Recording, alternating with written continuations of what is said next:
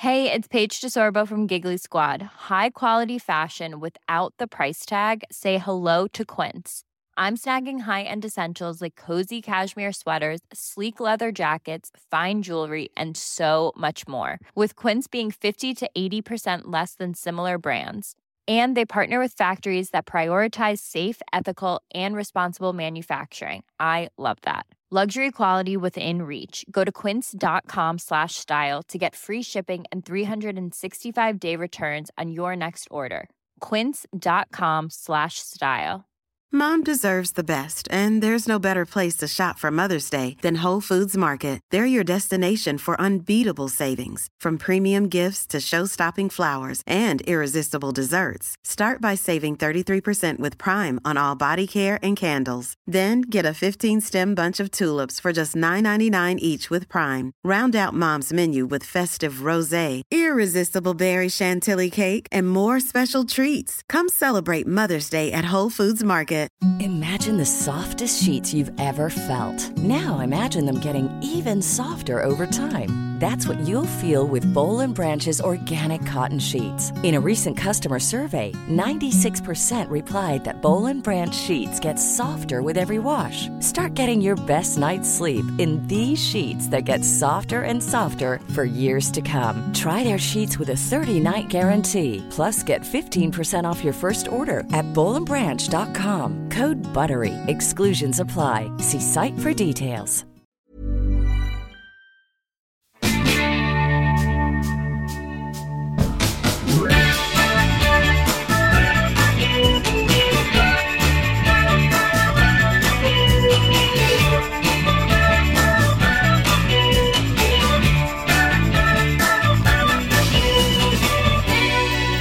Hallå brudar! Hej, hej! Tjena, tjena. Jag, jag tänker fortfarande på det Anna sa, att man inte bara får säga Ja, jag hej. vet. så att därför var jag lite, jag var lite cool idag. Ja. Hello brudar! Men jag gick ändå, jag, jag var, he, var alldeles för dålig fantasi så jag ändå gick tillbaka till hej hej. Jag kör. Tjena, tjena. Ja, det är, ja, hej på er. Det är, väl ett av, det är väl ett av världens vanligaste... Nej, okej tror jag är det vanligaste ordet i världen som man säger. Ja. Sen är väl hej ganska... Ja. Så det kanske är okej att vi säger hej Ja, det är okej. ändå. Ja. Och vi som säger hej då, vi är som vanligt eh, eh, tre mammor som alla har barn med, med särskilda behov på, i någon form. Eh, NPF och lite allt möjligt. Och jag heter Lisa och har Kalle och Pelle med eh, Brenn syndrom, autism, ADHD, lindrig utvecklingsstörning och lite så. Och jag heter Petra och jag är mamma till Svante som har autism och ADHD. Och sen har jag ytterligare en liten dotter. Och jag heter Anna och är mamma till eh, Frans eh, som är åtta år och har autism. Och sen så har jag fyra stycken andra barn. Och vi kallar oss ju för Funkismorsorna.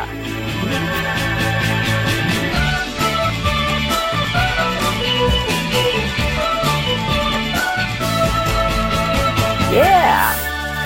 Ja, och vi kör även denna gång eh, över eh, digitalt, eller vad säger man? Vad gör vi? Ja. Mm. Vi ses inte Digital. helt enkelt. Nej. Nej. Vi ses ändå. Jag har slutat Nej, med sånt. Vi ses fast inte. Ja, Vi vi. sa ju faktiskt, ja, vi sa ju faktiskt förra gången att vi skulle vi glömmer ju, vi har ju, vårt, vi har ju ofta pratat om vårt guldfiskminne. Vi sa ju faktiskt förra gången att vi skulle klä upp oss. Hur uppklädda är ni? Det är min första Hallå, fråga. jag har vi sa att vi klänning. skulle ses. Ja, okej. Jag är ändå någon Det typ kanske av... var jag som... eh, Ja, okej. Ni båda fortsätter, det var jag. Okej, Ja. men jag fortsätter, jag fortsätter försöka ge er kritik, men det blir att jag kritiserar mig själv. Eh, vi skulle också ses och dricka bubbel och ha lite fest. Vi skulle sitta ute hos dig Lisa, sa vi, och liksom ha Ja. lite f- fysiskt avstånd. Så vi, vi ska göra det. Men jag, nu är det faktiskt jag då, den här lite sega förkylningen som har legat hos mig som gör att vi inte har setts helt enkelt. Och du lever ju så hälsosamt för att bli av med den. Det är ju det. Jag gör ju allt. Det där kändes som... Anna, hur kände du med det där? Kändes det som det var Men ironi? jag tycker, du är ju ändå våra eh, hälso...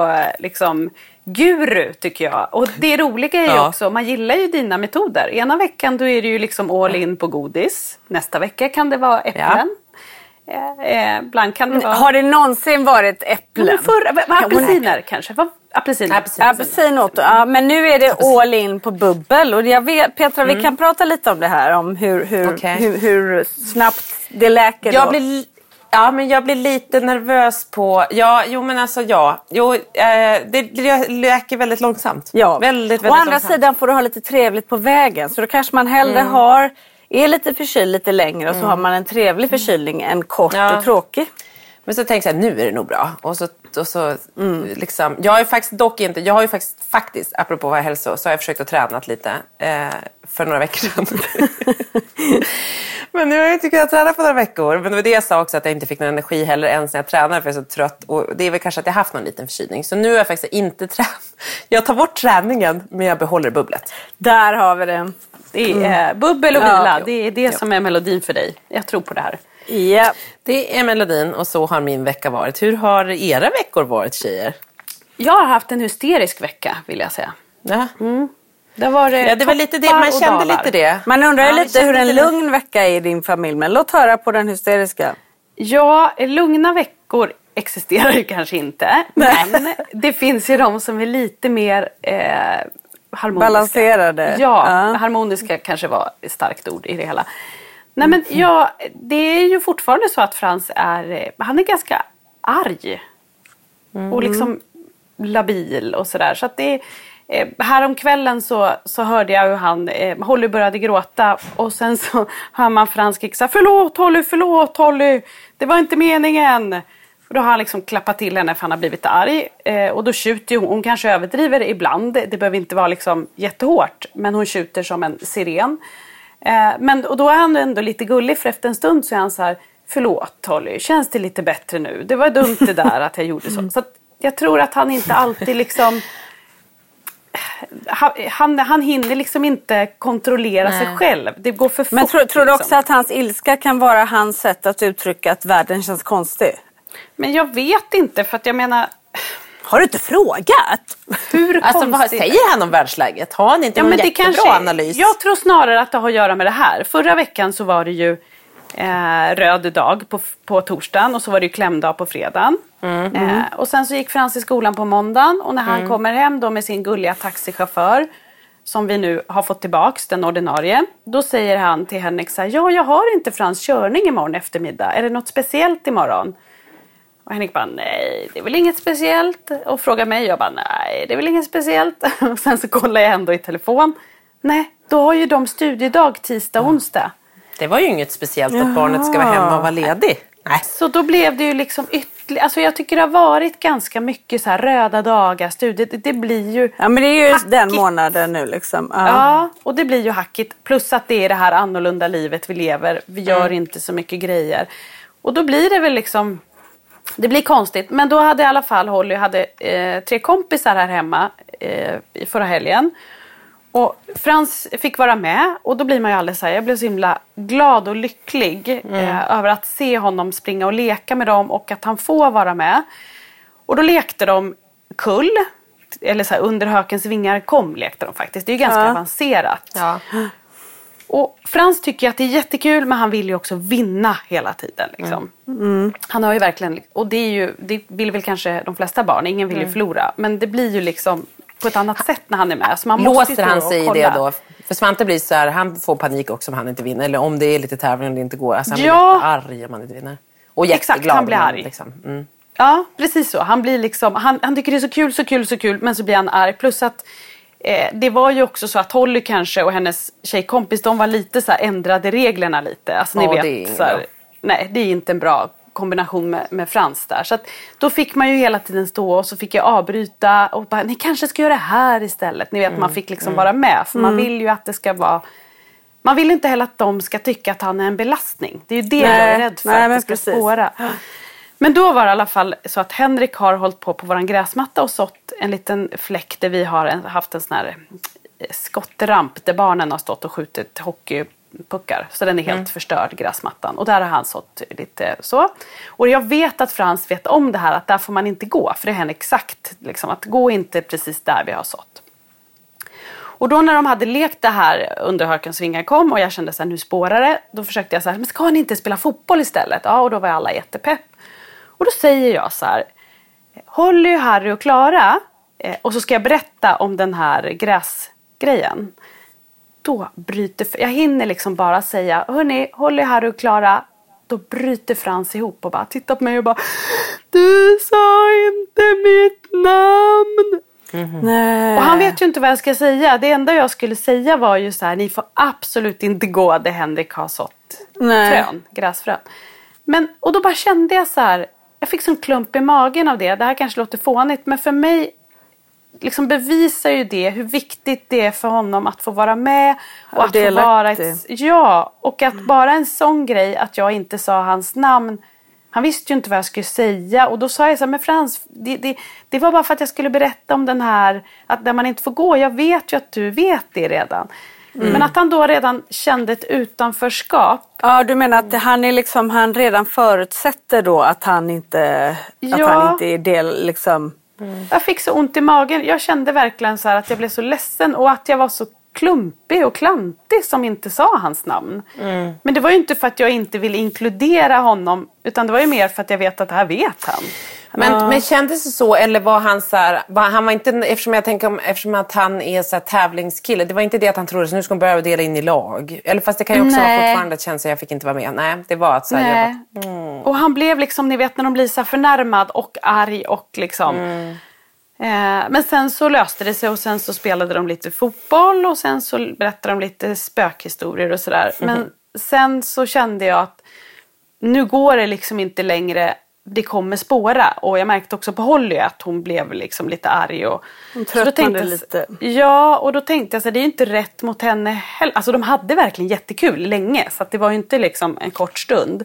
Men då tänkte jag så här, nu får jag nog ta undan Frans innan det spårar så att inte de här kompisarna tycker att gud vad han är jobbig. Det är mer det man är rädd för egentligen. ja. Eh, och då när jag försöker säga så här, kom Frans så går vi, vi, vi kan gå och kolla på paddan, du vet, och försöker så här. Då blir han så förnärmad, ledsen och arg och gråter. Och jag vill ha egna kompisar. Eh, jag har inga vänner. Ingen tycker om mig. Alltså, det var jättejobbigt. För jag bara känner så här hur han... Det här som vi har pratat om, det här med vänner. Och, och jag säger så här, nej men han är nog ganska nöjd. Och bara, för, jag vet ju att han gillar vänner men nu blir det så liksom tydligt att han... Han vill ha sina vänner Ja, liksom. gud. De börjar, Men du, ja, mm. Nej, jag bara tänker för Pelle kan också säga precis så. Men då kan jag, ganska ofta när han säger det kan jag härleda till att han har sett en särskild film på tv som handlar om det. Och då liksom är det som att han, precis som med andra filmer, att han snor de replikerna lite och säger. Sen gör han det vid rätt tillfälle. Men det är liksom inte riktigt ifrån hjärtat utan det är mer liksom, kan det, kan det finnas något sånt eller? Nej tyvärr. Alltså, till och med när han hade gått och lagt sig så ropade han på kvällen. Eh, och Vi har ju inte, vi har ju inga såna här melatonin, Melatonin, längre. nej. Och då ropade han någonting. Jag hörde inte vad han sa du vet. Och flera gånger. Och jag bara Henrik han säger tablett. Han vill ha tabletten. Så här. Eh, ge han en vitamin. Och så sprang Henrik upp. Nej men då sa han. Jag vill ha en vän. Sa han hela tiden. Och, och han har också sagt så här. Du måste ringa mina vänner. Och, Men han har ju vänner. Ja, han har ju vänner. Men återigen, det är ju det här att det krävs lite mer. Så nu ska Mm. jag ju ringa och försöka styra upp det så han kanske kan leka med en kompis i helgen. Men det, gjorde, det gjorde verkligen ont i mig. Jag tänker att det Mm. Ja, här jag kanske också gör att han är lite labil. För det är han. Ehm, För det här är lite han- nytt. Det är någonting som han har kommit på nu eller? Det här med vänner är ju nytt. Eh, Ja. Mm. Och sen så att han är i den här perioden. Då han, Det känns som att han har backat lite just det här att han slår till och han blir arg. Och häromdagen när han kom hem från skolan, det var faktiskt i måndags den 25. ja, ja, Då ja. kommer han hem och så säger Och där var då- inte hoppborgen, eller? Nej, och då vill han köpa ett spel. Och då kommer han med den till Henrik och så säger han så här, den kostar bara 29 kronor säger vi att det var då. Eh, och Henrik är jättenära på att bara liksom trycka in koden. Men då inser Henrik att det är 29 kronor i veckan. Det är en himla prenumeration liksom, för att han ska få en gubbe i ett spel. Det är ju s- så dumt det där. Eh, och då säger Henrik så här, nej men det går inte. Och då brinner Frans direkt. Han klarar liksom inte av ett nej längre. Han klarar Nej. inte av att han inte får hoppborgen, att han inte får en pool, att han inte får en prenumeration. eh, och samtidigt så måste man ju kunna säga nej till honom. Eh, men då blev han, och då försökte jag vara lite så här lugn med Frans och då tar han paddan, kastar i golvet. Det har han inte gjort sedan han var liten. Eh, nu har vi ju skydd så den gick inte sönder. Men eh, då, ta, då sa jag ändå åt honom, men Frans nu får du lugna dig. Jag förstår om du blir ledsen. Jag försöker liksom på alla sätt att vara lugn. Då slutar det med att ungen tar och klappar till mig rätt i ansiktet. Ja. Och det är liksom höjden av förned. Man blir Ja, men jag tänker så här, vi pratar om att, han, alltså att det känns som att han backar och sånt. Jag tänker att han är i en jätteutvecklingsfas. Ja, att det är Så här, verkligen. någon Ja. verkligen så för pubertets... Alltså, han är ju inte i puberteten än. Men så här pre-pre-teen. Alltså, Mm. tweenies kan ju börja redan vid... Alltså, Ja, men, och när de Många- får mycket nu- känslor och utvecklingsfas då, då kan Ja. de ju backa. Man hoppas ju att det är så. Ja, ja men att backa någon- och jag vet inte, jag tänker att han backar, ja men han backar ju lite med talet och sånt men man känner ju att så här, gud det är verkligen någonting som verkligen påverkar honom. Och, och Han har PMS. säger, här, Han har lite PMS, ja men det är ju lite, alltså han är ju, han är ju ett år yngre än Svante så att han är, men han är liksom eller ett och ett halvt, men han, han, det är många runt Svante och kompisar, normalstörda kompisar, man också märker det så här, det är en period nu som är något, som att det är som en liten, liten, eh, ja men en light tonårs... Ja, pubertet, för det känns som liksom, att han som de är någon på typ med. av trots nästan. Alltså förstår ni vad jag menar? Ja, att han så här, verkligen, Ja. Innan kunde man alltid lirka med honom och man kunde liksom styra honom på ett annat sätt. Nu är det liksom, för då när han har lappat till mig i ansiktet och då blir man ju ändå så här, man blir ju arg, man, alltså det blir ju massa känslor. Då säger jag så här, men nu räcker det Frans, nu går du upp på ditt rum. Och då blir ju han superarg men framförallt förnärmad. Ni hatar mig, jag hatar den här familjen. Och då klär han på sig. Och så ska han gå iväg, sätter på sig sin jordgubb, jordgubbsryggsäck. och, och då säger jag... Som äntligen har kommit. Ja, och då säger jag så här, hej då Frans. Eh, jag tänker inte bo här längre. Och så är jag jätteomogen och så säger jag så här, nej det kan jag förstå men det är ju inte roligt om du ska slåss här heller, säger jag då. Nej. Alltså det blir, Förstår ni mig? Jag kan inte heller bara vara så här, kom och kramas för man är ju arg och vill ändå markera. Jag vet. Och då säger jag så här, hej då då, för då vet jag, han, han rymmer ju inte. Eh, och så går han ut, smäller igen dörren. Och sen så går jag och kollar i köksfönstret och ser hur han går upp mot vägen. Och det kan han göra liksom, men han sticker aldrig. Sen för, ser jag inte honom någon mer. Och så ser jag, vår, vi har ett par äldre grannar som bor snett över gatan som man typ aldrig ser utomhus.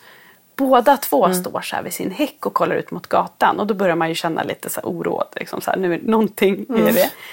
är det något på och då G känns jag så här, gud ja. jag måste ju gå upp och kolla nu. Så jag sätter på mig par tofflor, springer upp. Då står ju Frans där i sin jordgubbsryggsäck på gatan. Och de står och tittar och försöker säkert prata med honom. Och så säger jag så här, eh, men Frans ska du komma nu då så går vi hem. Nej, jag tänker inte komma för ni är dumma, ni slår mig, säger han då. Ja, och det här äldre paret står liksom och tittar och så säger jag så här, nej men Frans, nu var det ju faktiskt du som slog mamma i ansiktet. Det gjorde ju jätteont. Men kom nu så går vi hem. Nej, eh, ni, jag gillar inte er för ni hatar mig. Nej, vi älskar ju dig Frans. och liksom förnedringen är så hög. För att det känns ju också och som... ångesten är också ganska hög tänker jag. och det känns ju som att de bara tittar på mig som att jag är den sämsta föräldern som finns.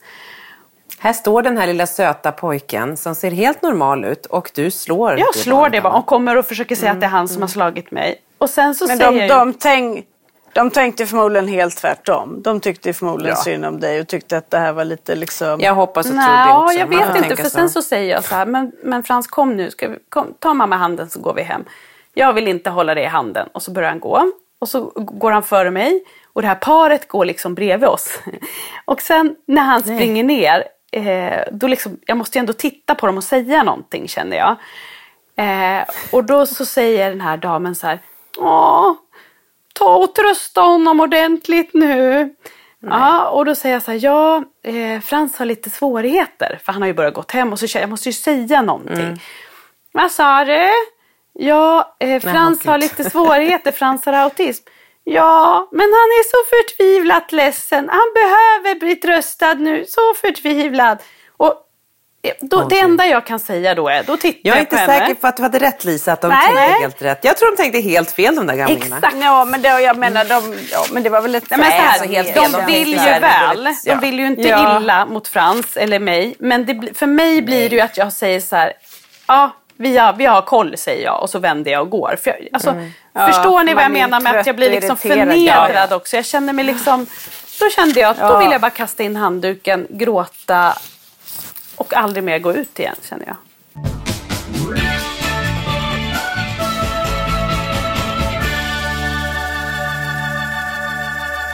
Och det, hela det här att försöka hålla lågaffektivt bemötande när man blir slagen. Alltså jag nypt och slagen och skriken och alltså det är jävligt jobbigt. Det är ju det. Och det är ju här, alltså vi, Vi håller ju någon- inte alltid. Nej. Nej. Vi hade en sån breakdown här i veckan, jag och Svante. Och han bara höll på och vis, jag, han skulle göra något. Jag, jag kommer inte ihåg om han skulle borsta tänderna eller om han skulle bara... Han var så här, jag ska bara spela klart det här spelet, sen ska jag stänga av. Okej? Och så gör han inte det. Så jag sa, nu måste du göra det. Annars så kommer mamma dra ur sladden på spelet. Och det har vi liksom sagt hundra gånger minst. Men vi gör det aldrig. Så jag bara, Svante, nu kommer jag göra det. Så nu har, och så startade han det igen. Och bara, jag, ska bara, jag bara, men nu retas du. Så drog jag ur den. Då får ju han panik. Alltså han får ju sån panik. Så han skriker ju. Och så var det, så här, det var varmt, så dörrarna stod på vid gavel.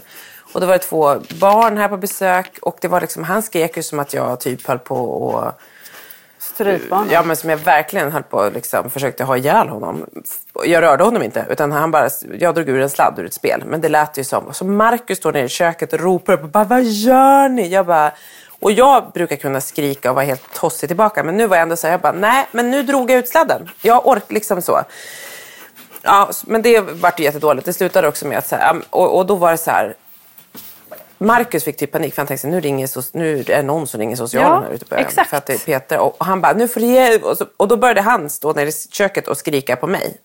Mm. det var jättebra. Så han började så här busvisslade som en crazy person. Så jag, nej men så att det vart liksom så här, men Svante och jag blev vänner så jag bara, men fast jag, någon gång måste vi dra ut spelet ur, vi måste liksom fullfölja vårt hot. Vi kan inte bara hota när det sen Nej. inte, inte funkar Och heller. sätta gränser, Så vi är jättelåga. tänker jag. Att, alltså, vi Ja, måste så jag ju ibland... gräns och bara- Man kan ju inte bara liksom vara lugn, lugn, lugn. Man måste ju markera någon Men gång. då är ju han panikslagen och han slår mig och han håller på och han, skri alltså han skriker så högt så att det är liksom... Nu har ju vi bott här alltid när han har funnits så jag tror att våra grannar känner till att han, Ja, eller det gör ja. de. Liksom. Men kan du känna att du Eh, ångrar men- då eh, efteråt när det där händer? Kan du känna så här, varför drog jag ut sladden? Kunde jag inte gjort det här på... Alltså, jag lägger ofta skulden på mig själv och kan känna så här, varför var jag inte lugnare? Ja, alltså jätteofta så känner jag så här, gud, och jag kan få ångest av våra bråk. Mm. För det är väldigt så här, liksom så. Och att jag, men, men nu var jag så här, nej, nu, nu, eh, sen var det jättejobbigt. Sen var det, det kändes inte bra i mig. För sen går jag ner och så sa jag, försökte jag säga till Marcus så här, vet du älskling, jag fattar att eh, jag gjorde fel. Jag och Svante hade ett jättedåligt bråk för det var liksom hög och jag fick det ju inte att lugna ner sig. Så att jag lyckades ju inte jättebra med min teknik. Och sen så när jag kom ner så bara så skulle jag då jättepedagogiskt bara ge min man lite feedback. Tänkte jag då. det är alltid positivt Det låter mysigt. Jag var älskling, om vi tänker så här. När det går jättedåligt för mig Svante där uppe, du hör ju det.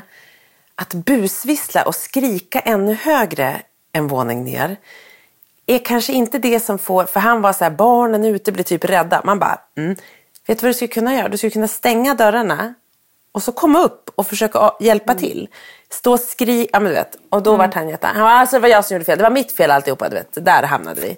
Och sen vart det ett jättebråk mellan mig och Marcus. Så jag, det slutade med att Svante hade skrikit, sen var det jag som smällde i dörren. Alltså det var som ett crazy house. Så hade någon gamling sett det så hade de nog varit så här, du ska nog gå och trösta. Jag vet inte vem som skulle trösta den där någon. Men alla skulle tröstas. I det här skulle... så känner man ju att vi lägger ner liksom så mycket tid på våra barn som inte alla andra behöver göra eller gör på det sättet som vi gör. Ja. Och då, då tror jag också att man Ett blir liksom... sånt här utbrott hos en familj skulle, ta, liksom, skulle vara jätte, jätte, jättehemskt. Och jag tänker att här, när man känner då, som jag känner ju en jag känner mig ju då, som en dålig, när jag går ner och lämnar de här gamlingarna uppe vid vägen så känner jag ju med att jag är världens sämsta mamma. De kommer ringa och liksom Mm. anmäla mig. Och, då känns det så orättvist att jag som lägger ner så mycket tid och liksom försöker verkligen vara lugn, inte tappa det och äh, Förstår ni vad jag menar? Det, blir så, det, det känns liksom orättvist. Det är så oförtjänt att man ska känna den där förnedringen. Ja, verkligen. Sen tror jag att vi ofta skapar den bilden. Hade du pratat med dem så kanske det hade varit något helt annat. Men man, är, man förutsätter ofta det för att det, för att det är så jobbigt liksom. Mm. Hela känslan. Men ni kan få ett moment of proud från mig. Ja. När man ja. var riktigt... Vad har du att bidra ja, med berätta. till det här? Ja, men. När man var riktigt bra. Bara just, ni mm. pratade om att man var en bra mamma liksom. eh, och då var, för jag bara kom på det när du sa att han rymde och att folk liksom tyckte att man var sådär. Men vi, vi var ju för några år sedan när vi höll på att, att bygga vårt hus hade vi ingenstans att vara på, på sommaren. Så vi åkte på någon sån här grymt bra rese, tjofräs för barn. Nassar heter det. Och man åker till, vi var i Turkiet och de har så här 14 mm. vattenrutschbanor och det är all inclusive. Ja men ni vet som åka till tivoli med barn. Ja det var helt ljuvligt. Och då så skulle vi en morgon gå till, för det var, det var så stort komplex, vi skulle äta frukost på, en, på hotellet, en annan restaurang där. Bara för att det skulle hända någonting. Och så går jag och Kalle före och Johan och Pelle går bakom. Och så helt plötsligt så bara liksom, så kommer inte Pelle, eller Pelle och Johan. Och jag och Kalle vi väntar, vi går tillbaka. Och då bara ser vi Johan så springandes liksom. Då är Pelle borta. Han har haft honom Nej. precis bredvid sig. Och så bara är han borta. Hur gammal var han då? Gångar överallt. Ja, men det här är alltså fyra år sedan. Vad var han då? Fem? Ja. Mm. Och uh, han, är, han är bara borta. Det fanns massa gånger. Jag så här, och Kalle, vi springer ner eh, till stranden och tittar. Och jag, då kommer jag på mig själv att jag också tycker det är lite pinsamt att skrika Pelle högt liksom, och framstå som en galning. Mm. Så jag springer liksom helt tyst och kikar in så här på olika ställen. Och, pooler och grejer och hit och dit. Och Johan springer åt sitt håll och alla bara helt liksom Ja, men vi, vi höll på i 20 minuter. Vad man är ju liksom, hemskt! Ja, ja, det var fruktansvärt. Och så till slut så går jag till receptionen. Och när, samtidigt som jag kommer till receptionen så ser jag hur de lyfter upp Pelle på disken. Och sätter ja. honom där. Och så kommer jag dit och jag bara, åh gud var det här du var? De bara, nej det var inte här han var. Jag bara, nej var var han då? Han stod på motorvägen. Mm. Då hade han lyckats, alltså det går ju knappt att snirkla sig ut, men det gjorde han. Så han gick och var på väg över gatan när någon och det var ju hur mycket bilar som helst där. Oh, han hade Gud. liksom inte hunnit gå ut, men Nej. han var på väg. Och när en bil stannade, och jag bara tänkte vilken tur att det var en bil med personer som var snälla och gick in med honom. Ja men verkligen. Mm. Alltså den, den ångesten Mm. Men då, då kände man sig som en bra mamma och när hela receptionen var full av människor som hörde detta mm. så bara, jaha mm. okej. Okay. Mm. Ja. Mm. Mamma nej, satt med ett glas vin i, i baren. Mamma, och... nej, en öl, Mariestad. Ja. Hon stod och skällde på dem i den turkiska baren för att inte hade Mariestad. Men alltså, uh, jag tänker att det är ju en stark, uh, ett starkt gäng här den här veckan. Så vem som vi utnämner till veckans morsa Drrr, blir, det där var en trumvirvel. Mm. Nej, men jag tänker så här. Anna slår sitt barn, Lisa tappar bort sitt barn på motorvägen och Petra... Vi tar en för laget. Ja, vi tar en för laget. Ja, mm. vi, är, vi är bara ett gäng usla.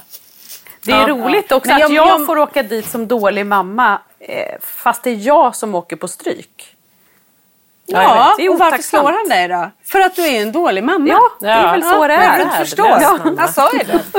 Men jag, jag måste det. ändå Hon säga... Slår, men det är inte så bra. Jag tycker mm. att det är väldigt många barn just nu som är argare, som är jobbigare. Och jag tror att det är för att de liksom...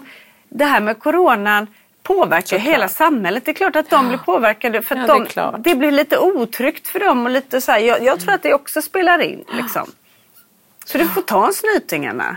Ja. En du får ta en snyting för pandemin. Visst hade det varit roligt mm. om jag, eller roligt, det, det, hade ju inte varit kul, men ändå lite festligt om jag hade suttit med stor ja, blåklocka här nu och bara... Det hade varit jobbigt och du bara kommer ut och folk bara, då skulle det bli jobbigt för Henrik för du bara, nej men det är min åttaåring som har uh, slagit. Ja, Men då skulle man ju ändå säga att Frans har en jäkla högerkrok i så fall och sett ja. en liten framtid här. Som en då ska vi eh, byta bilverkstan mot en boxarkarriär. Ja, jag. Hur har det gått med bilverkstan? Jo då, men det, mm. det rullar på. Det ja, rullar. det rullar på hela tiden. vi, vi fick ett sms. och rull, det rullar ja. på. Mm. Anna mm. ska starta Swish till honom nu här för betalningen. Mm, ja, det, för nu var det ju en som hade akuthjälp och frågade ja. om han fick swisha. Så jag menar, det är ju... Mm. Jag älskar att de smsade honom. Det var inte samma som efter tack, hej jag heter Frans. Men, men, men det är roligt att de bara, alltså jag kan swisha några hundringar bara du svarar. Det är tur att Frans inte är så aktiv ändå på sin mobil. Alltså han, det är inte så att Nej. han sitter med den hela tiden. Det är ju ganska bra. Men det är ändå, ändå rätt lättförtjänta pengar. Om, om allt han behöver göra var att svara för att få den här hundringen. Då är det bara... Ja. Kan ju du låtsas att du är Frans, Anna. ja. Så har du fått in lite deg på kontot. Ja, men jag tänker också så här, hur farligt kan det vara? Om, om det nu kommer fram att det inte är Boris. Ja men det här var ju inte, det var ju Frans. Men nej, hur farligt år. kan det vara med lite ekonomiska bedrägerier? Det låter ju helt grymt alltså, tänker jag. Jag tänker att, Verkligen. Vi säger inget. Ja, nej. Väldigt ont om sponsorer nu så vi får ju jobba på andra sätt. Frasse drar in Boris vet du. Det är...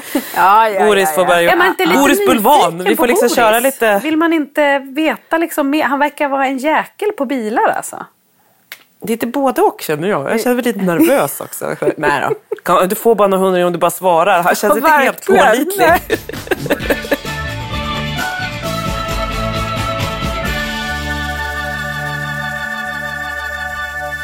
Kommer ni ihåg att vi har pratat en del här om att ni, ehm, det här vårdbidraget som inte fanns längre och jag sa till er, nej men vi har inte, det är inga problem. Nej, du sa så att något och vi- 2045 har vi vårdbidrag. Typ. Det var ju så sjukt 20, länge. 2028 hade jag till. Ja, mm. Så helt så har jag märkt att det har inte kommit något. Och, eh, vårdbidrag. Då ringde jag dem och sa jaha nej men det, det ska du ha fått meddelande om i november att, att vi eh, att du inte får det längre så det måste man söka om. Så nu får jag söka om då så ska man ta För de det här heter omvårdnadsbidrag nu. om vår, om, ja precis och så blir det Eller något. blir det väl fyra timmar till i telefon och prata om sina barns tillkortakommanden. Jag kan säga att det är något av det Det jobbigaste jag har som gjort. dock är, ja, nej men det är helt jävla vidrigt. Men det är en enkel, det du ska göra, för jag fick också det där mejlet, eller något brev i vintras, har glömt och gjorde för några veckor sedan bara. Det man gör är att gå in på Försäkringskassan, mina, hem, mina sidor och så klickar du bara i att du vill fortsätta få bidrag på något vis. Sen kommer de ringa upp dig. Men nu är det, det kommer dock ta jättelång tid för det har, de, det Ja, men jag tror att de har nio månaders handläggningstid. Vi har, jag har ju om, man, gör- om man ber om det för första gången. Men, men tydligen har man haft vårdbidrag så går det, då är man prioriterad i alla fall. Ja, fast Ja, det är ändå okej. jättelång väntetid. Vi har ju, jag fick ju stå i kö och göra om det där och har ju fått, nu har ju vi omvårdnadsbidrag. Eh, Men det intressanta var ju att han som jag fick, handläggaren som jag fick liksom prata till, ni vet det är så jobbigt, man, man bara pratar dåligheter och gnäller på Ja, sitt eget hemskt. barn, fruktansvärt.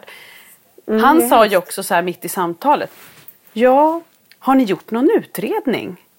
Ja men just det. Ja, just det. pratade Ja. Mm.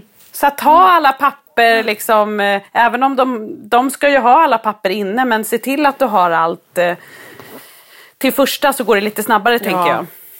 Ja, men jag hade som tur är, hade jag precis hört av mig till våran neurolog och sagt så här, kan jag få nya intyg på barnen bara för att de börjar bli lite gamla där det står Ja. om, ja men så här. Så de hade jag precis fått. Så de kunde jag då liksom, nu kan man ju faktiskt ta ett foto och så skickar man det som en bild. Men vet ni vad jag fick sen? Nej. Och, och det tyckte jag var så konstigt ifrån Karolinska. Då fick jag en räkning på 375 kronor per intyg som Nej. jag fick betala. Är det sant? Alltså här har man barn med liksom det här och man behöver de här intygen i tid och otid. Och så får man betala. Alltså det är ju nästan en tusenlapp för när jag då har två barn. Tänk om jag hade haft ett till. hade inte haft råd med. Nej, det hade vi inte haft råd med. Fatta vad stökigt om jag skulle ha intyg på Nej, alla men jag mina bara tycker barn. det så- det blir pengar det. Nej, alltså Anna skulle ha gått, hon hade gått i konkurs direkt. Du hade fått sälja några barn. Ja. Usch. hade det varit löst. men, men alltså, men, Nej, nej. men är det inte märkligt? Alltså, och, och det var som jag sa till dem, jag bara, eh, ja, men du har fått ett mejl om det i november. Jaha, så jag. Det kanske jag har. Vet du vad, det har jag ingen aning om. Jag sa, Nej. det, de, inte nog med att man liksom ska göra alla de här sakerna. Jag har ju faktiskt två barn med särskilda behov som jag ska ta hand om. Kan man liksom inte skicka några fler gånger? Kan man inte märka då att om jag inte har ansökt att det går ut någon automatisk så här, påminnelse? Någonting. Det görs ta mig fan ingenting för att underlätta för de här att, när man är sån här förälder. Utan allting nej, ska man göra. är- man ska ju alltid sk- liksom extra arbeta med allt och det ska vara Sen Ja, är det ofta det det- som är det jobbiga när man gör de här omvårdnads eller utredningar och så vidare. Det är också att man blir misstrodd. Att det känns ju så. Ja, man är, så här, man är en liten Som att man fuskare. hittar på. Ja. Fuskare. Först sitter man och berättar om, om de olika, vad som är. Alltså, det är ju som att man känner så här, ja, men kom och bo hos oss en vecka så kan ni få ja, se verkligen. hur Kom ni tycker bo. det är jämfört med ett annat barn. Och så kan ni återkomma sen. Ja, för att när jag satt och pratade om det förra gången, de, eh, alltså när vi vårdbidraget.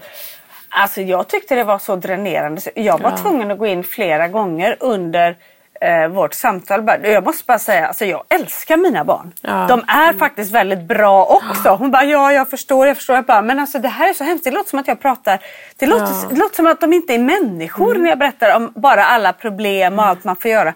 Det, jag tycker det och speciellt jag som inte har något normalstört barn då utan bara de här. Det blir liksom Men får Ja, du göra jag- jag två så samtal då? Är det liksom två Nej, då slår de ansökningar? ihop det. Ja, det är ändå bra de slår kanske. ihop det. Ja, men, men de kör ändå... Jag tror ändå att de körde ett barn i taget så det tog väldigt Åh, lång tid. Och, så, och det, jag tycker det är svårt att veta också vad man ska säga. Ja. Ja. Vad är det de vill höra liksom?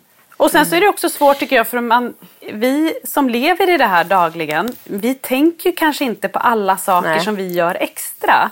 Eh, Nej, för våra exakt. barn. Utan det är ju vardag för oss och helt naturligt Ja. till slut. Så att det är precis som du Men säger. jag man tänker att det är ändå lättare för er som har normalstörda att jämföra Jo. vad ni gör extra. Jag har ju inget Nej, sånt. Jag vet det måste ju bli mycket svårare för dig. Men jag tycker också att det är svårt att man hade ju velat att de frågade exakt. Alltså det är svårt att bara berätta. Men jag känner precis som dig. Man har varit helt dränerad efteråt. Jag har alltid gråtit efter de här sam- Jag har gjort det tre gånger. Jag har alltid gråtit och, och liksom Ja. sagt så här förlåt mig. Och så bara, för det känns som att jag är en hemsk människa som sitter och, och gnäller och utelämnar mitt barn på ett sätt som Ja, känns ja. taskigt mot honom. låter, ja, precis. Men man är ju också så här programmerad, eller liksom som man är, om man har överlevt, som ni säger, det är, vår, det är vår vardag. Det är vårt familje, det är ju så. Vi, och vi tycker att den här familjen är helt perfekt på sitt lite udda sätt ibland. Liksom. Så att när man då ändå inser så här, om man säger så här, nej men det är lite hula baloo och lite så. Så kan man ju inte säga. Att, alltså så här, att man tänker så här, som man kan säga ibland till människor som frågar sig hur är det att leva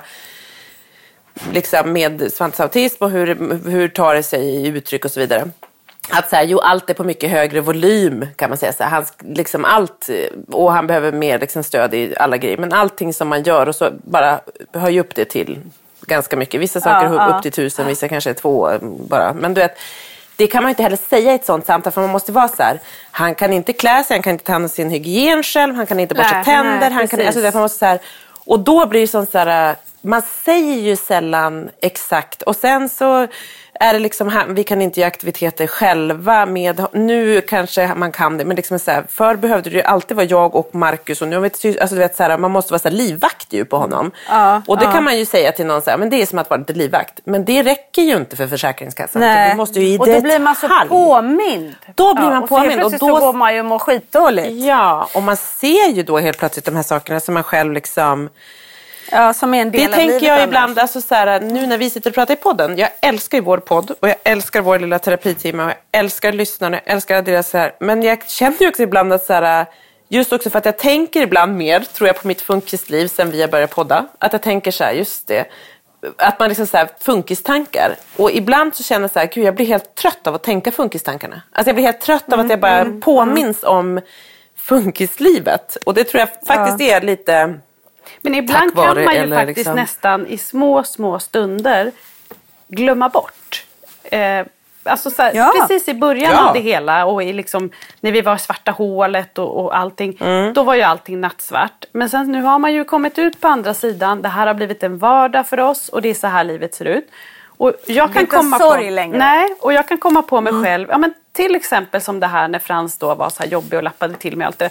Så kan jag komma på mig själv att jag tänker så här, men jag som har tyckt att, att det har varit så enkelt och att allt bara rullar på med Frans och att man inte tänker att det är så krångligt.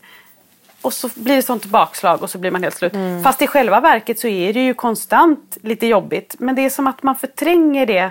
Gud vad svårt att vara förklarad. Men förstår ni förtränger. vad jag är ute efter? Nej, Det är ja. liksom- Jo, men, ja, men livet blir ju rutin liksom. Det blir våra Ja. rutiner. Ja, och man Det lurar nästan sig själv ibland att det är så här så jobbigt har vi det inte. Och sen så kommer de där Nej. bakslagen och framförallt när man då sitter i de här samtalen. Och, och som förälder så har man ju någonting inbyggt i sig att man är väldigt stolt över sina barn. Man älskar ju sina barn över allt annat och man är ju så stolt över sina barn oavsett hur de är. Och det ligger ju mer naturligt att prata bra om sina barn och vara stolt. Ja, såklart. Mm. Här är det ju tvärtom. Här sitter vi och bara liksom tar fram det Ja. dåliga. Men, och man får inte heller glömma, tänker jag, när jag, när, när liksom, inte om jag sitter och pratar med Försäkringskassan för då är det inte det jag ska trycka på, men om jag pratar med en annan person och de frågar om Kalle och Pelle Och du vet, de är, för många som inte har så mycket kunskap så är det här väldigt spännande och de ser ju någonting framför sig, liksom att, så här, att de är konstiga och annorlunda. Då brukar jag säga att man får inte glömma bort att våra barn är ju mer vanliga Mm. än vad de inte är vanliga. Och det tror jag, det här vanliga som de är, vanliga människor, det är ju det som när man har ett bra period, då är det ju det vi lever med och ser. Och därför så tänker vi inte på det hela tiden. Och så händer de här grejerna som gör att man blir påmind. Ja.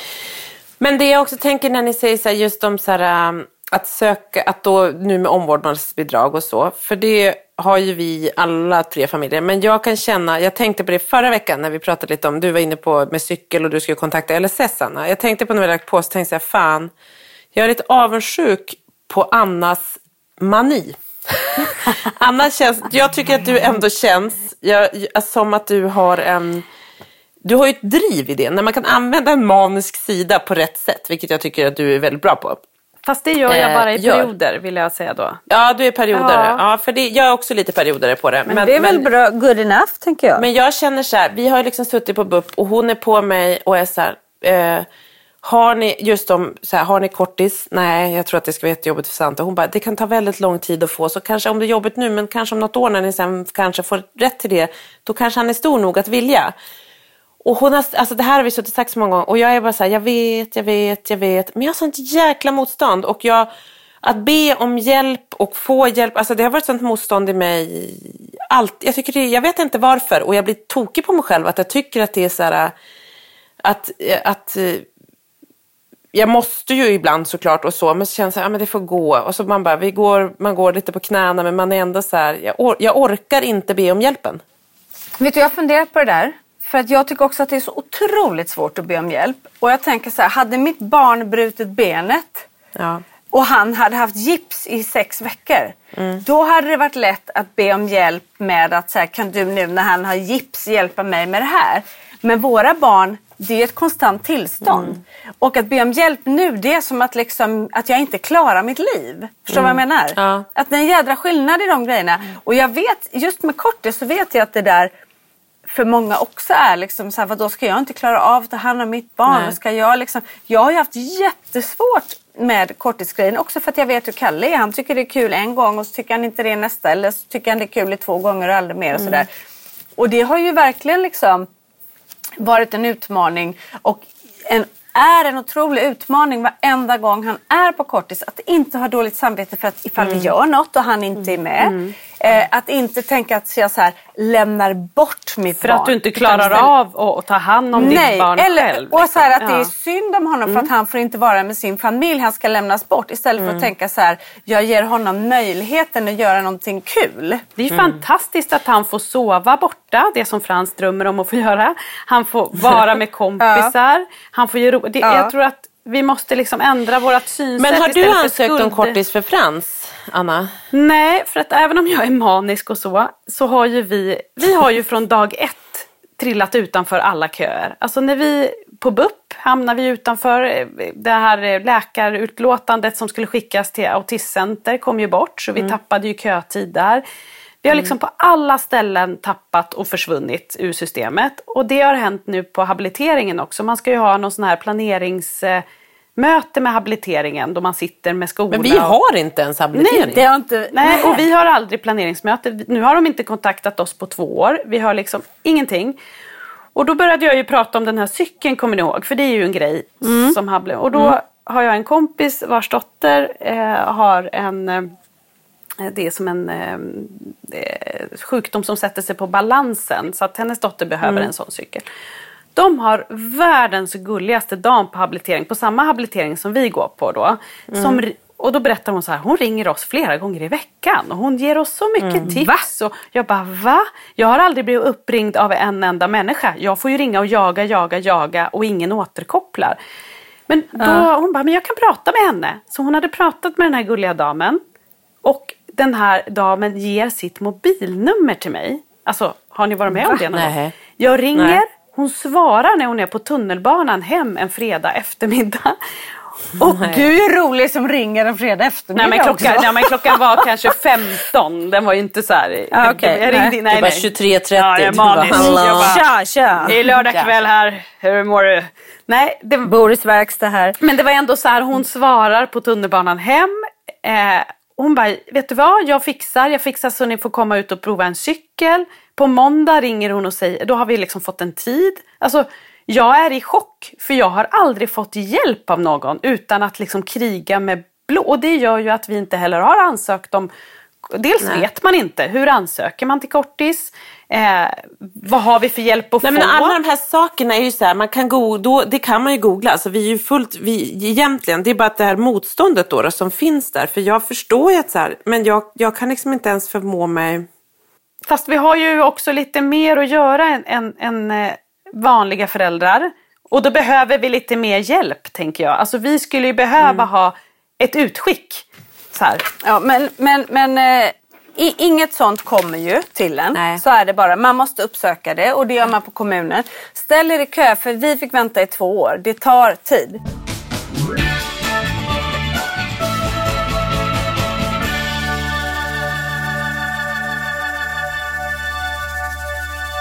Men medan ni pratade, jag letade upp, kommer ni ihåg att vi fick ett mail, det var ett tag sedan, eh, från en mamma eh, just som hade lyssnat på eh, när vi pratade kortis och som berättar sin historia. Ska jag läsa Mm, upp gör det? gärna. För jag tycker Gärna. det är så fint. Alla vi tre har ju blivit väldigt berörda av det här. Verkligen. Eh, och, ja, och då så står det Ja, det är en, en, en mamma som har tre barn.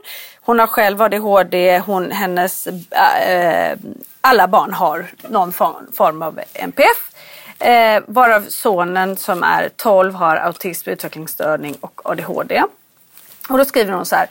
En dag när jag lyssnade på er så berättade Lisa om att en av hennes söner varit på kortis. Fantastiskt härligt tänkte jag, men kände samtidigt så starkt när hon berättade om känslorna kring att lämna bort sitt barn. Jag gick över Medborgarplatsen med tårar rinnandes nerför kinderna. Jag känner igen varje, varenda ord, varje känsla och varje cell i min kropp reagerar så starkt. Jag tror att det är många som kan känna igen sig i den här kortishistorien. Och så kommer hennes då. Jag har haft min son på kortis till och från under cirka två år. Men sen räckte inte det riktigt till så jag var tvungen för att överleva att ansöka om ett annat boende till honom. Ett LSS-boende. Den här mamman har, är ju då ensamstående. Mm. Eh, den resan har varit fruktansvärd från dag ett. Från när jag ens började tänka tanken på, att, eh, eh på det till att ansöka hos LSS, till att få beslutet beviljat, packa ihop hans saker och lämna över mitt barn till andra, vinka hej då för ett tag och försöka överleva mitt enorma självhat, dåliga samvete och sorg. Att hata mig själv så innerligt mycket att jag inte orkade med mitt barn längre. Att jag var tvungen till detta fruktansvärda för alla vår skull, det är obeskrivligt. Det är en sån makalös avgrundsdjup sorg som inte går att förklara. Oh, man blir så berörd. Han har det bra, han mår bra, han utvecklas, han förstår att han bor där. Han trivs och han älskar livet och jag får längta efter honom och älska honom igen efter allt kaos som gjorde att det inte fanns plats för kärlek i mig för honom. Jag vet egentligen inte varför jag skriver detta men kanske för att ni ska läsa upp det i podden och att någon ska få känna igen sig. Kanske att det inger hopp att det finns något bra som kan komma ur det mest vidriga när all energi och kraft är borta. Och nu så står det så här, jag har överlevt detta. Min son har bott i sitt nya hem i tre år nu och han lever loppan. Han har det så mycket bättre där än vad han hade sista tiden hemma. Oh, jag är inte den viktigaste personen för honom. Det är den person som för stunden kan kommunicera med honom och som ser till att han har ett härligt liv och det har han nu. Vi ses när jag orkar, ibland en gång i veckan, ibland var åttonde vecka och det får vara okej. För han har det bra och jag överlevde och det är det viktigaste. Alltså, ma- för det första blir man ju så berörd så man vill bara gråta. Men jag vill ändå säga, den här mamman är ju, hon är ju faktiskt fantastisk. För att hon kan ju faktiskt, tänk om alla barn hade liksom föräldrar som kunde Se vad se att så här, nej, men jag klarar Och- inte. Ja, hon är ju, det är ju liksom, hon, jag förstår ju hennes känslor för så skulle man känna. Men hon, hon är ju en klok mamma som liksom kan se Ja. vart han har det bäst och vart han mår bäst. Och liksom, Nej, men hela familjen, för det är som hon skriver, ja. så det handlar om överlevnad och en mamma som inte... Som Det här är ju knappt- en extrem historia Ja. men jag tycker att den berättar så fint om liksom, de känslor som det handlar om och hur viktiga de är. Eh, och hur man liksom, vad man ska sätta i fokus. Men det är inte lätt. För man, Nej. det som hon beskriver, självhatet och alltihopa. Jag tror att det stoppar väldigt, väldigt många från att göra det som är det rätta Ja. för barnen. Ja, hon gjorde ju allt för att hennes son ska få må så bra och ha Ja. det så bra som möjligt. Och det, det om något är väl riktig kärlek till sitt barn, tänker jag. Verkligen, men man förstår ju också så här, sorgen och ångesten i henne och av omvärld och hur liksom eh, de små stunder när man själv kan känna så här, gud jag kan inte hantera det här. När det blir liksom så här, man bara, Va, hur ska vi göra här? Alltså det är bara så här, det här fungerar inte. Så känner ju man ibland när det blir så här helt kaotiskt. Man bara, jag tycker inte att det här, det är liksom så kanske alla känner sitt föräldraskap, men det är bara liksom att, att att så här, det här, jag fixar, vi fixar inte det här. Och att det handlar om ditt barn. Att det liksom, Och jag tror också att det man ska liksom se när man läser det här det är ju att det här var bra för hennes barn. Hennes barn Ja. verkar ju uppenbarligen kanske liksom ha andra behov. Eh, att det är, ja, jag menar att få kommunicera och allt det där. Det kanske inte hade passat för för Svante eller för Nej. Fran- Alltså för att det, det, alltså det barnen är ju. Nej, olika. såklart. Det vet, Såklart. Nej. Så att liksom, det här är inte facit för, för alla Nej. men det, det som är facitet i det hela tycker jag det är att se en föräldrakärlek att, och som sagt att se vad behöver mitt barn och vad behöver jag och vad behöver det finns vi. jättemånga... Och inte vara Ja. egoistisk och inte tänka på så här, jag vill vara med mitt barn. Utan hon tänker faktiskt på vad, vad mår han bäst av. Sen så Och tror jag också, här är det ju en och- extrem ja. situation. Precis, för det är två andra syskon med svårigheter. Den här mamman kan ju inte klona Nej. sig. Alltså, hur ska hon räcka? Hon räddade väl hela familjen. Mm. Då måste man... Nej, det, mm. Och fick ta största smällen själv antagligen. Absolut. Såklart, För hon såklart. skriver ju att hennes son mår ju bra och har det fint. Hon, och, sk- hon säger, skriver till mig han lever loppan. Tyckte jag var så gulligt. Är så här, Ja. Då har han det bra. ja. Ja, då har han det bra. Vi, verkligen. vi sitter alla här och torkar våra tårar nu. Men man blir... Ja. Ja. Nej, men det är väldigt stort. För att så här, höja sig ovanför och se vad som är bra. För det finns ju så många barn som faktiskt far väldigt illa. Alltså, och också så här, och kunna se att så här, nej, jag backar. Jag tar ett väldigt, väldigt vuxet och bra beslut. Liksom. Och kan se, Det är otroligt när man också tänker så här, ensamstående mamma med tre barn med, med MPF som nog måste vara otroligt påfrestande och ändå kunna vara stark, tänker jag. Att, så här, ta sig, att, liksom, att ta ett sånt beslut. För det är ju, är ju såklart jätte, jätte påfrestande och, och att bara ta beslutet. Apropå att inte jag, man kanske orkar ansöka om, om ett eh, vårdbidrag. Eller, eller liksom kort, alltså så här, hon har, Nej, men verkligen. Det krävs Jag tror inte att den resan mycket. har varit Nej, exakt. enkel. Men att Nej, hon ja. fixade det och, har, och att det har blivit så pass bra. En klok och bra Ja, mamma. verkligen. Tack för det säger vi Ja, till kärleksfull. henne. Ja. Nu ska jag vara en bra mamma och åka med mitt andra barn till ortopeden. Ja. Vad är det han, har han gjort illa sig har ett någonstans? trasigt knä. Eller? har han gjort illa sig någonstans? Nej, vi bara åker lite till ortopeden för vi tycker att det lite, hänger lite där. Ja. Ja, hänga lite. Det var en liten happening i dessa coronatider. Ja. Man åker dit man får. Ja, exakt. Ja, nej, vi hoppas det går bra med knät. Ehm, och eh, jag tänkte att det här är ju livsfarligt. För jag nu tänkte att vi kanske inför nästa vecka ska prata lite eh, inför sommaren. För det är ju något som man börjar tänka lite på. Jag i varje fall går här och har liksom lite... Nu så här, har det varit jättemycket hemmatid.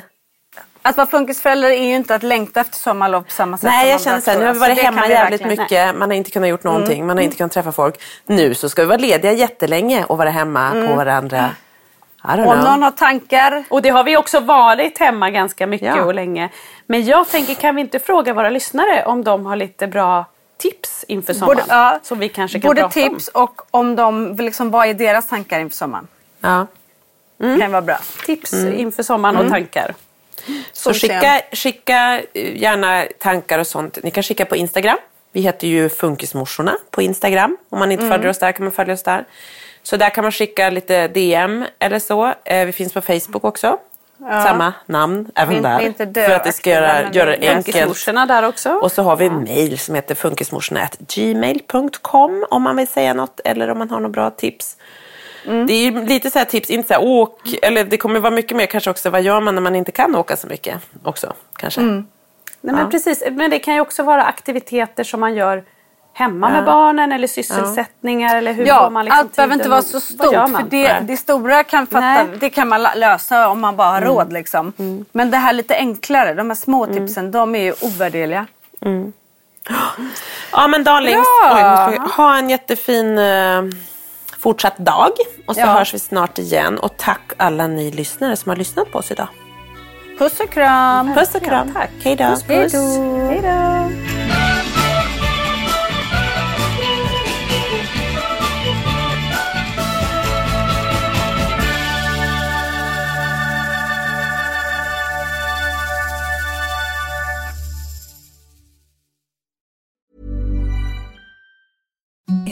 The softest sheets you've ever felt. Now imagine them getting even softer over time. That's what you'll feel with Bowl and Branch's organic cotton sheets. In a recent customer survey, 96% replied that Bowl and Branch sheets get softer with every wash. Start getting your best night's sleep in these sheets that get softer and softer for years to come. Try their sheets with a 30-night guarantee. Plus, get 15% off your first order at bowlandbranch.com. Code BUTTERY. Exclusions apply. See site for details.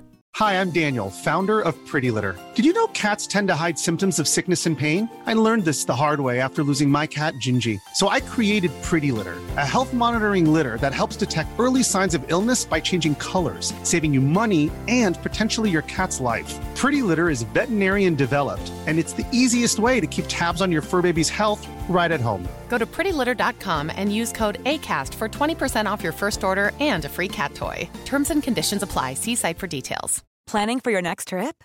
Elevate your travel style with Quince. Quince has all the jet setting essentials you'll want for your next getaway, like European linen, premium luggage options, buttery soft Italian leather bags, and so much more. And is all priced at 50 to 80% less than similar brands. Plus, Quince only works with factories that use safe and ethical manufacturing practices. Pack your bags with high-quality essentials you'll be wearing for vacations to come with Quince. Go to quince.com slash pack for free shipping and 365-day returns.